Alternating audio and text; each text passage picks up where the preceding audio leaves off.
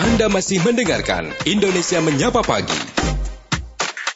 Hanya di Pro 3. Dialog Layanan Kesehatan kerjasama Pro 3 RRI dengan Fakultas Kedokteran Universitas Indonesia. Dan pendengar kini kami ajak Anda untuk masuk dalam sesi dialog layanan kesehatan COVID-19 kerjasama Fakultas Kedokteran Universitas Indonesia dan Radio Republik Indonesia. Tema yang kami bahas pagi hari ini adalah menangkal hoax di bidang kesehatan paru tips meningkatkan literasi kesehatan digital di masa pandemi. Kami akan membahasnya bersama dengan Dr. Haryo Baskoro PhD SPP dari Departemen Pulmonologi.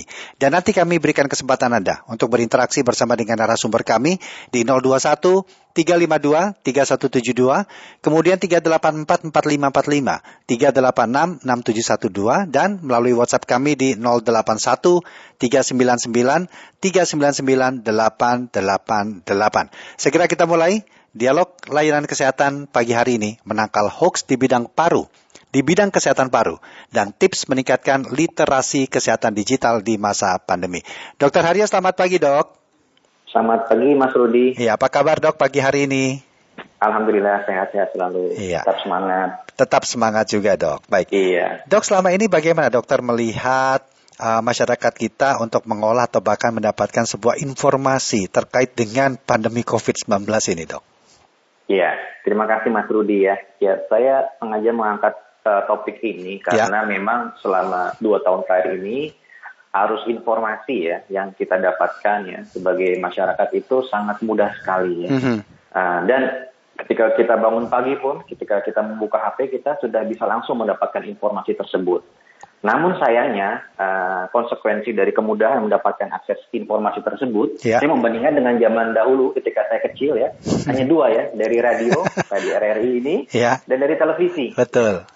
Hanya dua itu saja. Tapi sekarang ini sumber informasi banyak sekali ya. Aha. Dan kita memang eh, harus pandai-pandai untuk memilih, memilah mana yang memang informasi yang kredibel, valid eh, di bidang kesehatan itu. Jadi memang tantangannya sangat eh, besar sekali ya, sangat berat sekali. Begitu. Iya, baik. Ya, sejauh mana dok kalau pemahaman kita, terutama di era digital ini dok ya, ar- artinya kan semakin mudah kita untuk bisa mengakses sebuah informasi. Tetapi bagaimana kita bisa menentukan ini informasi yang solid, informasi yang benar, bukan sebuah informasi hoax yang justru akan menimbulkan perdebatan. Seperti apa ini dok? Iya. Jadi sebenarnya tipsnya mudah ya. Yang pertama itu kita harus eh, ketika kita mendapatkan informasi itu kita memang harus mengklarifikasi. Tentu untuk klarifikasi ini kita harus me, eh, mem- apa, meluangkan waktu ya. Jadi tidak malas meluangkan waktu untuk mencari eh, mem- mem- kita harus pandai mencari ke sumber yang tepatnya gitu. Kalau untuk di negara kita, memang pemerintah sudah membuat eh, website ya, website eh, dari eh, pemerintah untuk bisa kita mengklarifikasi apakah memang informasi terkait lebih khusus eh, terkait COVID ya, mana memang yang hoax atau tidak. Kita bisa merujuk ke eh, website tersebut ya. Ya.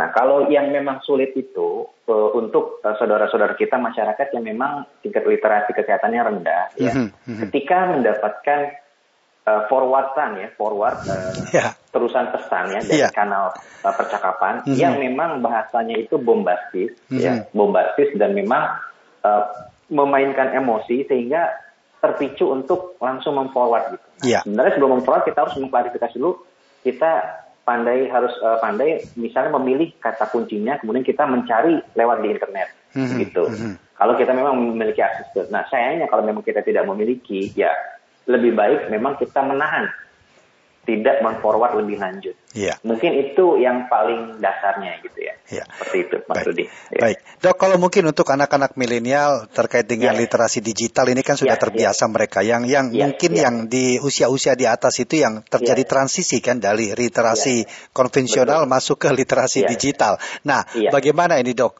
Uh, Ya. Seolah-olah semua informasi menjadi sesuatu yang benar, yang bisa dipercaya. Seperti apa ini? Ya, ya. Jadi begini, eh, saya ingin mengutip eh, salah satu jurnal eh, kedokteran yang diterbitkan oleh sejawat saya, Dr. Irandi dan kawan-kawan, eh, yang membahas mengenai eh, judulnya saya coba bacakan ya. Judulnya itu bagus ya. eh, konsekuensi di informasi medis di era literasi kesehatan digital terhadap integritas bangsa Indonesia. Ya, Hmm. jadi ancamannya bisa bisa se, se, se- Seperti itu ya? itu ya. Iya. Bisa seperti itu ya. Kita lihat ada di negara tetangga ya yang Iya. agak jauh di sana itu bagaimana hoax bisa bi- bisa berpotensi menyebabkan eh, eh, polaritas ya.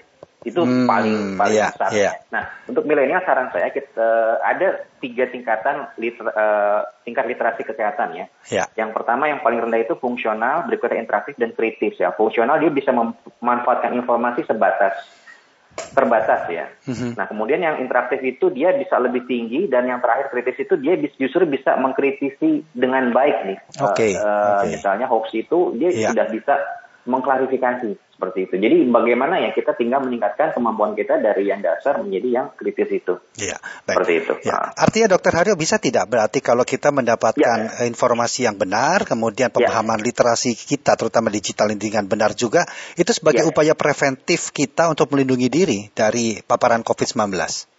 Iya, itu betul sekali seperti itu karena Hmm.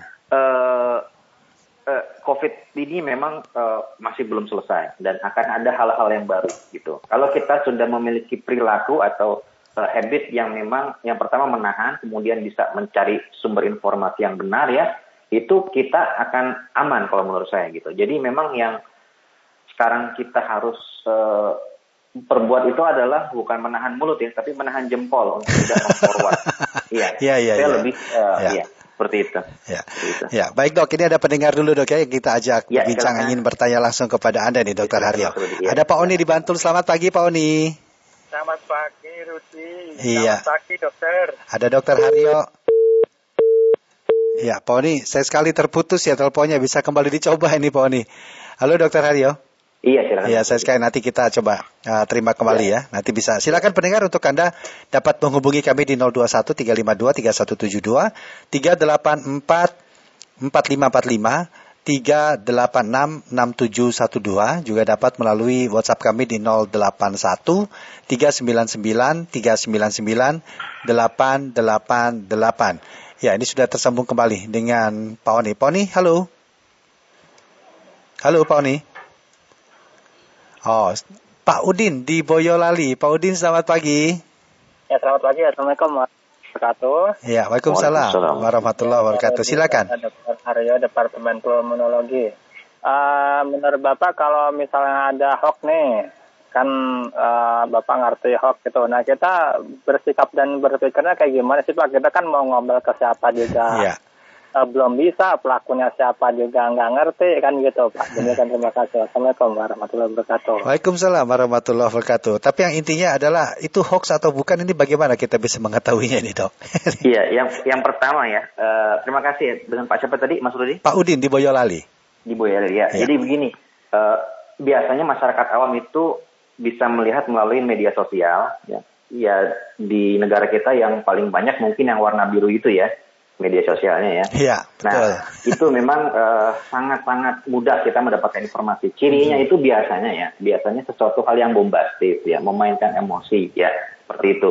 Eh, kemudian narasinya panjang dan berikutnya ada misalnya ajakan-ajakan untuk sebar, share sebanyak-banyaknya untuk misalnya mengamankan keluarga Anda. Jadi kita harus punya kalau sekarang ada film yang terbaru itu Spider-Man ya, dia punya Spider Sense ya, ting gitu ya. Jadi Ya. ketika kita pertama kali mendapatkan informasi, kita harus tingnya itu muncul dulu gitu, ting gitu kan. Apakah ini benar atau tidak ya kan? Mhm. Kemudian selanjutnya kita tahu merujuk ke mana eh, apa namanya media informasi yang memang eh, valid ya. Mhm. Ya, Pemerintah Mhm. sudah sudah banyak ya eh, memberikan eh, kalau kita follow di sosmed itu kan ada yang memang setiap setiap saat mengupdate ya. Kita konfirmasi di situ dulu. Kalau memang tidak ada, ya kita harus menganggap ini memang eh, belum tentu benar gitu ya. Ya. Kemudian yang berikutnya eh, memang eh, ada ya akun-akun influencer bidang kesehatan yang memang eh, ya layak kita follow ya seperti itu dan memang yang sudah kredibel dan Ya. memang sesuai dengan bidangnya gitu bidangnya untuk bisa eh, memberikan pendapat eh, informasi kesehatan seperti Ya. itu. Itu Jadi awalnya kalau- ya. tipsnya yang bisa kita Awalnya. terhindar Iya, yang dari berita-berita yang tidak jelas ya dok ya. Betul. Nah, Iya. kalau memang untuk effort yang lebih lagi, kalau kita mengetahui ada sesuatu kita bisa melaporkan Ya. secara online juga. Gitu. Iya. Secara daring kita bisa melaporkan apakah uh, hoax tersebut begitu. Baik. Mungkin itu. Ya, kita Rudi. terima kembali Ya. pendengar ini, Dokter Haryo ya. Ya, Ada Pak Samsudin di ya. Jayapura, Papua. Pak Samsudin, Ya. selamat siang waktu Jayapura, Pak. Selamat siang waktu Jayapura. Assalamualaikum Pak Dokter. Waalaikumsalam warahmatullahi wabarakatuh. Silakan dengan Dokter Haryo. Iya Dokter Hadia begini, saya cuma pertanyaan saya cuma simpel saja begini. Apakah kita lakukan 3T dan vaksinasi bisa menangkal pintu masuk di tubuh kita? Kalau de- eh, kaitan dengan masalah ah, varian baru Omikron. Terima kasih Pak Dokter. Ya, baik. Terima kasih Pak Samsudin. Silakan Dokter Haryo Pak. mungkin bisa ditanggapi. Pertanyaan yang bagus sekali ya, relevan ya, Ya. eh, dari eh, Jayapura ya. Ya, dari Pak Samsudin di Jaya- Jayapura, Iya, Papua. Iya, ya 3T tentu memang itu eh, upaya minimal yang kita lakukan ya eh, untuk melakukan 3T ya untuk menghadapi varian baru. Bahkan ada upaya-upaya yang, yang lain ya. Ya tentu pemerintah baru saja ini mah, em, membuat kebijakan untuk mengadakan vaksinasi booster ya untuk lansia untuk yang prioritas pertama ya. Jadi sesuai dengan eh, apa namanya arahan tersebut ya kita eh, sebagai warga negara yang baik yang sadar bahwa memang eh, COVID ini masalah bersama ya. Jadi kita harus eh, eh, proaktif ya, proaktif untuk turut ya, turut mendaftarkan diri ya. Kalau memang sudah dapat tiketnya segera mendaftarkan diri untuk bisa mendapatkan eh, vaksinasi booster. Ya. Mungkin itu. Ya. Baik. Dokter kan di masa pandemi sebagian besar masyarakat kita itu di rumah artinya sudah terbiasa dengan akses digital termasuk literasi digital. Perubahannya seperti Ya. apa dok saat ini? Kalau dari pantauan Anda melihatnya, Iya. terutama eh, untuk masalah kesehatan ya di masa pandemi ini dok ya. Iya, iya, iya, iya, iya. Kalau dari pengalaman saya pribadi, ya ini yang simpel saja ya. Memang eh, apa namanya untuk masyarakat awam itu kan memang tidak punya background medis, ya, tidak punya background Iya, kesehatan, iya. ya, yang non medis ya. Ya tentu ketika berada di dalam eh, grup percakapan yang umum yang memang dari berbagai ini, memang ti- ti- tidak ada yang bisa mengklarifikasi secara langsung sayangnya seperti itu ya. Jadi memang informasi ini akhirnya uh, bisa uh, makin ter- diteruskan ke banyak orang ya. Untungnya salah satu kanal percakapan uh, uh, media sosial itu kan sudah ada yang memang mem- mengindikasikan kalau memang informasi ini sudah diteruskan berkali-kali begitu ya. Nah, eh, simpelnya kalau memang sudah diteruskan berkali-kali itu kita juga harus lebih waspada ya. Apakah memang benar atau tidak begitu. Itu salah satu salah satu tipsnya ya. Dan memang eh, eh, apa namanya kalau perbedaan dengan dulu yang sudah sudah saya jelaskan tadi memang eh, informasi yang masuk di kanal percakapan itu memang pada dasarnya belum terklarifikasi Iya, gitu. Nah, ka- kalau yang lebih tinggi derajatnya kebenarannya itu kevalidannya memang mencantumkan link ke eh, daring ya ke website yang memang ada. Itu pun bisa juga didistorsi atau di, dimainkan ya. Narasinya betul, eh, linknya tidak sesuai begitu. Jadi Iya. seakan-akan real tapi ternyata linknya tidak, Tidak. nyambung juga. Saya Ada pernah juga ngalamin seperti itu, Dok. itu. Betul. Iya, iya. Atau menarik kesimpulannya salah gitu dan di di di di, di apa namanya di di informasinya itu di di distorsi begitu Pak Mas Ya, Rudi ya. ya. Nah, Lantas ini terakhir sekaligus menjawab semuanya Iya. Dok. Bagaimana Iya. kita mendorong literasi kesehatan kita, masyarakat kita sehingga ini bisa juga menjadi uh, solusi juga kan Dok ya di masalah pandemi ini, di masa pandemi kemudian uh, turut berkontribusi untuk menciptakan lingkungan yang sehat, menyebarkan informasi yang sehat pula ke masyarakat terutama isu-isu mengenai pandemi Covid-19 ini. Silakan, Dok. Iya, ya terima kasih ya. Ya kalau dari saya pribadi saran saya memang kita eh, kalau memiliki akun sosial media apa pun yang dimiliki eh, wajib menurut saya mengikuti akun sosial media sosial media eh, pemerintah yang resmi memang informasi pemerintah yang resmi ya. Kemudian bisa juga mengikuti influencer-influencer kesehatan atau memang tokoh-tokoh kesehatan yang memang sudah sering kita lihat di apa namanya di eh, di media ya. Seperti itu. Itu yang ini dan eh, tak- memang tentu influencer itu tidak bisa secara terus menerus melakukan interaksi ya Eh, berikutnya juga eh, apa namanya eh, seperti di Radio ini juga bisa menyimak secara rutin kalau memang ada update-update yang terbaru ya Ya. dan interaksi ini kemudian eh, yang terakhir ya ketika mendapatkan informasi di eh, kanal percakapan yang tertutup ya, yang di grup seperti itu, jangan langsung di forward, Hmm. diklarifikasi dulu Iya. ya, dengan uh, website-website yang ada yang sudah resmi. Yang Mungkin terpercaya rasa- begitu ya. Yang Paling tidak website-website pemerintah itu dok ya. Minimal itu. Iya. Dan juga ada influencer kesehatan. Iya. Ya, di website-website pun juga banyak sekarang ya yang Iya. memang sudah membuat artikel kesehatan dengan bahasa yang lebih awam. Ya, Jadi dan tentunya masyarakat juga dengarkan dialog layanan kesehatan di Pro 3 dok. Always Pak, selalu. Itu salah satu menangkal hoax dan mengklarifikasi Iya. sebuah informasi.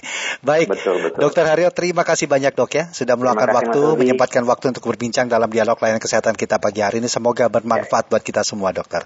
Iya, amin, amin. Terima, Terima kasih, kasih. dokter Haryo. Ya. Selamat kembali beraktivitas. Salam sehat. Salam sehat. Terima kasih Mas Rudi. Demikian tadi dialog layanan kesehatan COVID-19 bersama dengan Dr. Haryo Baskoro, PhD SPP dari Departemen Pulmonologi. Terima kasih untuk Anda yang sudah berpartisipasi melalui telepon dalam dialog layanan kesehatan pada pagi hari ini. Demikian dialog layanan kesehatan kerjasama Pro 3 RRI dengan Fakultas Kedokteran Universitas Indonesia. Acara ini bisa Anda dengarkan setiap Senin sampai dengan Jumat pukul 9.30 waktu Indonesia Barat.